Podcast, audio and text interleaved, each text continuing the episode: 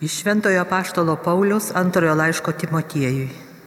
Brangusis, Demas, pamylęs šį pasaulį, paliko mane ir iškeliavo į Tesaloniką, Kreskas į Galatiją, Titas į Dalmatiją. Vienas Lukas tėra su manimi. Pasiimk ir atsivesk su savimi morku, jis bus man naudingas patarnautojas. Tichika aš pasinčiau į Efezą. Atvykdamas atgabenk apseustą, kurį palikau Troadoje pas Karpą. Taip pat ir knygas, ypač pergamentus. Kalvis Aleksandras man padarė daug blogą. Viešpats jam atmokės pagal jo darbus. Ir tu saugokis jo, nes jis labai priešinosi mūsų žodžiams. Mano pirmajame apsiginime ne vieno nebuvo su manimi, visi mane apleido te nebus jiems tatai palaikyta nusikaltimu. Viešpats buvo su manimi ir mane sustiprino, kad toliau skelbčiau Evangeliją ir visos tautos ją išgirstų. Tai Dievo žodis. Dievo.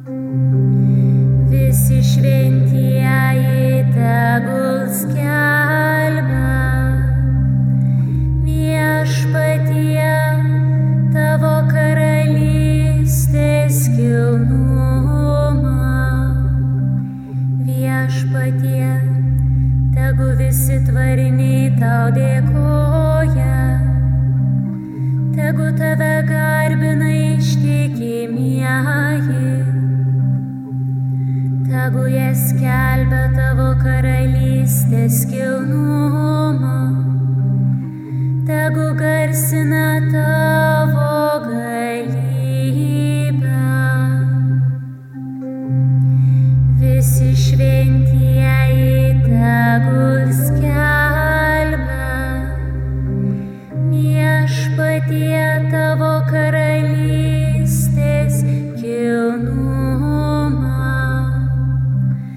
kad visi žmonės suprastų tavo didybę, tavo karalystės kilnumą, tavo karalystė, amžina karalystė.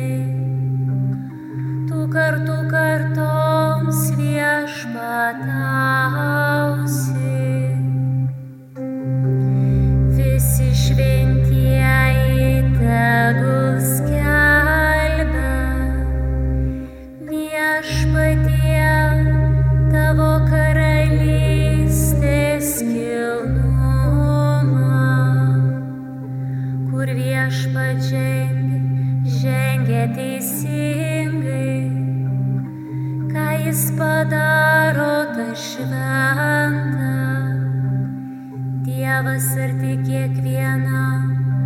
голосящая.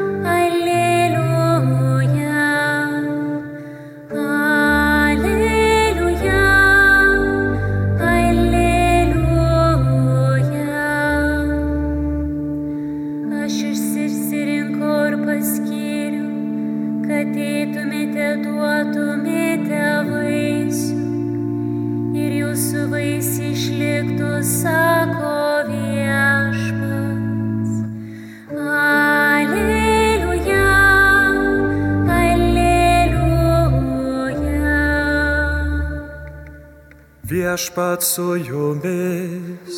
Ir su tavimi.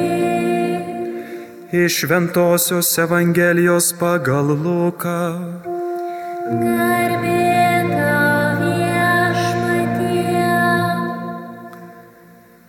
Anuo metu viešpats paskyrė dar kitus 72 mokinius ir išsiuntė juos po du, kad eitų pirma jo į visus miestus bei vietovės, kur jis pats ketino vykti. Jis sakė jiems, pjūtis didelė, o darbininkų maža. Melskite pjūties šeimininką, kad atsiųstų darbininkų į savo pjūtį. Keliaukite, štai aš siunčiu jūs lygavinėlius tarp vilkų. Nesineškite piniginės, nei krepšio, nei autuvo ir nieko kelyje nesveikinkite. Į kuriuos tik namus užeisite, pirmiausia tarkite ramybę šiems namams. Ir jei ten gyvens ramybės sūnus, jūsų ramybė nužengs ant jo, o jei ne, sugrįž pas jūs. Pasilikite tuose namuose, valgykite ir gerkite, kas duodama, nes darbininkas vertas savo užmokesčių. Nesikilnokite iš namų į namus. Jei nueisite į kurį nors miestą ir jūs priims, valgykite, kas bus jums padėta. Gydykite to miesto ligonius ir sakykite visiems, jums čia pat Dievo karalystė. Tai viešpaties žodis. Šlovė tau, Kristau.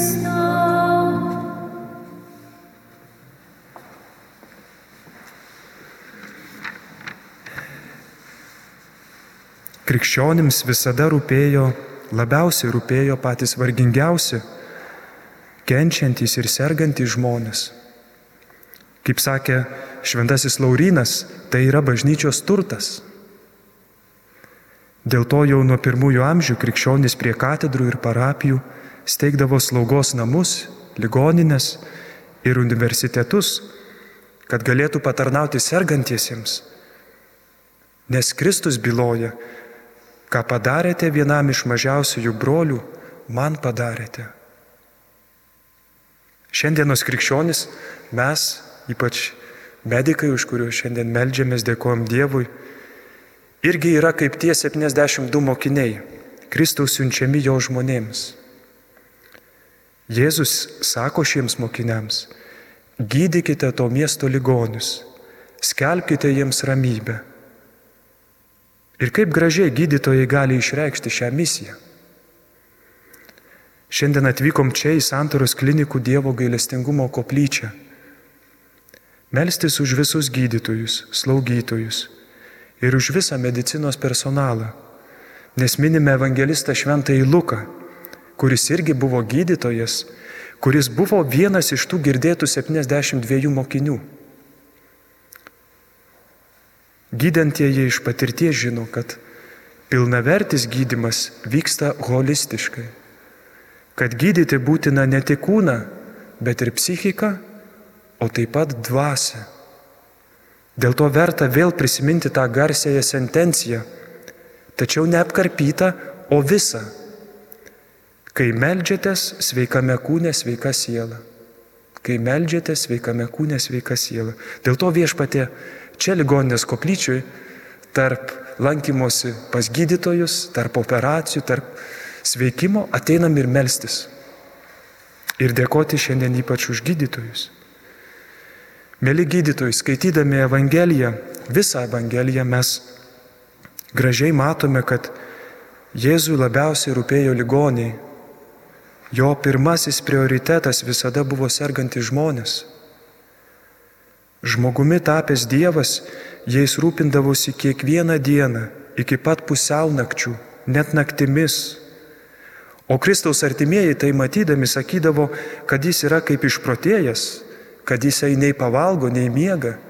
Dažnai galbūt ir jum tenka išgirsti iš savo artimųjų tokių pretenzijų arba nesupratimo. Mėly medikai, tai, ką jūs darote, ką patirėte, ką aukojate, ką išgyvenate, yra labai artima Kristui. Dėl to jūs galite ypač prisartinti prie Jo, prie Dievo. Jūsų darbas tarytum jau yra malda. ir sunkia valanda jūs galite ypač atsiremti į jį. Kiekvieną kartą per jūsų rankas prie ligonių gali liestis pats Dievas. Ir tai yra, aišku, atsakomybė, bet ne tiek atsakomybė, kiek tebūnė privilegija ir įkvėpimas. Tegul ši tikėjimo žinia paskatina mus visus šiandien dėkoti Dievui už gydytojų pašaukimą ir melstį jum reikalingų malonių. Pasidalysiu su jumis paskutinių metų keliomis istorijomis iš mūsų ligoninės. Jų yra labai daug. Nuostabių jūsų darbo liudijimų. Jūsų kaip gydytojų, kaip profesionalų, bet ir kaip krikščionių. Dar sekmadienį teko pas vieną ligonį sunku lankytis. Į ten sesutę ir gydytoją kartu ir meldėsi, ir vaistus leidė, visapusiškai gydė ligonį. Ne viena iš tų istorijų mane pasiekė būtent per jūs. Kadangi daugeliu jūsų tenka keistis pamainomis ir neretai galima pražiūrėti kai ką nepaprasto, noriu pasidalinti keliom istorijom, kad jos būtų kaip įkvėpimas ir patvirtinimas jūsų darbo prasmingumo. Ir kad tai būtų irgi priminimas, kad tarp visų aparatų pipsėjimo, tarp lašelinių, tarp palatų lovų, čia taip pat dvelkia Dievas šventojų dvasia. Čia taip pat ypač veikia Dievas ligoniai. Vienos reanimacijos vedėja pasakojo, kaip jie išmėgino visas gydimo priemonės, bet ligonis galiausiai tiek nusilpo, kad beliko jį atjungti nuo gyvybę palaikančių aparatų. Kai ligonio vaikas apie tai sužinojo, jis iškart nuvyko į aušros vartus ir paprašė už tą žmogų aukoti mišes. Ir po mišių ligonis, kuriam jau buvo pradėta atjunginėti gyvybę palaikančius aparatus, atsigavo ir pagyjo. Šių metų pradžioje viena jauna moteris kreipėsi dėl vyro. Reanimacijos medikai sakė, kad jis jau miršta ir pasiūlė patys gydytojai pakviesti kapelioną. Kaip kunigas, kai ten nuėjau, pamačiau tą situaciją, pats netikėjau, kad kas nors dar gali pasikeisti. Žmogiškai žiūrint, nebuvo jokios vilties. Po mėnesio su ta minėta moterimi atsitiktinai ligoninės koridoriuje vėl susitikome. Ir jinai džiaugiasi, kad jos vyras ne tik gyvas, bet netrukus baigs reabilitaciją ir grįš į darbus ir pridūrė, kad keturi reanimacijos gydytojai paliudijo, jog tai buvo stebuklas, nepaaiškinamas jokiais medicinos vadovėliais. Dar kitoje reanimacijoje buvo mirštanti labai jauna mergina, pačiame gyvenimo žydėjime. Vilčių jau nebebuvo, jau buvo prasidėję mirties procesai. Bet po ligonio sakramentų ir sunkaus medikų darbo, praėjus savaitę jinai atgavo sąmonę išgyveno atsivertimą, dvasiškai prisikėlė, tai iš tiesų, žvelgiant tikėjimo amžinybės perspektyvų, yra dar įspūdingiau, dar didesnis stebuklas žmogaus atsivertimas. Ir ta jauna mergina toliau džiaugiasi gyvenimu. Nors prieš tai vilties neturėjo nei gydytojai, nei artimieji, nei kunigas. Kai pamačiau ją po savaitės vėl reanimacijai, negalėjau patikėti. Stebuklas. Tai tik nedidelė dalis istorijų, kurias žinome ir smiltelė iš to, ko dar nežinome. Apie tai, kaip gydo medikai, kaip gydo jūsų darbas, atsidavimas, malda. Tokios sunkios situacijos, kurios baigėsi netikėtai gerai, mums visiems te primena, kad jūs, mėly gydytojai, esate Kristaus mokiniai, pašaukti gydyti ligonius savo profesionalių darbų, malda ir žmogiškų pacientų palaikymu. Ir nepamirškime, kad net tada, kai atrodo vilties nebėra, galutinį sprendimą priima net ne medikas, ne artimieji, ne kunigas, bet Dievas, gyvenimo dovanotojas. Ačiū Dievui, kad mes galime vienai par kitaip būti jo bendradarbiais ir ypač ačiū Dievui šių dienų medikus Pavedame tau viešpatie šiais metais žemę jau palikusius gydytojus ir slaugytojus.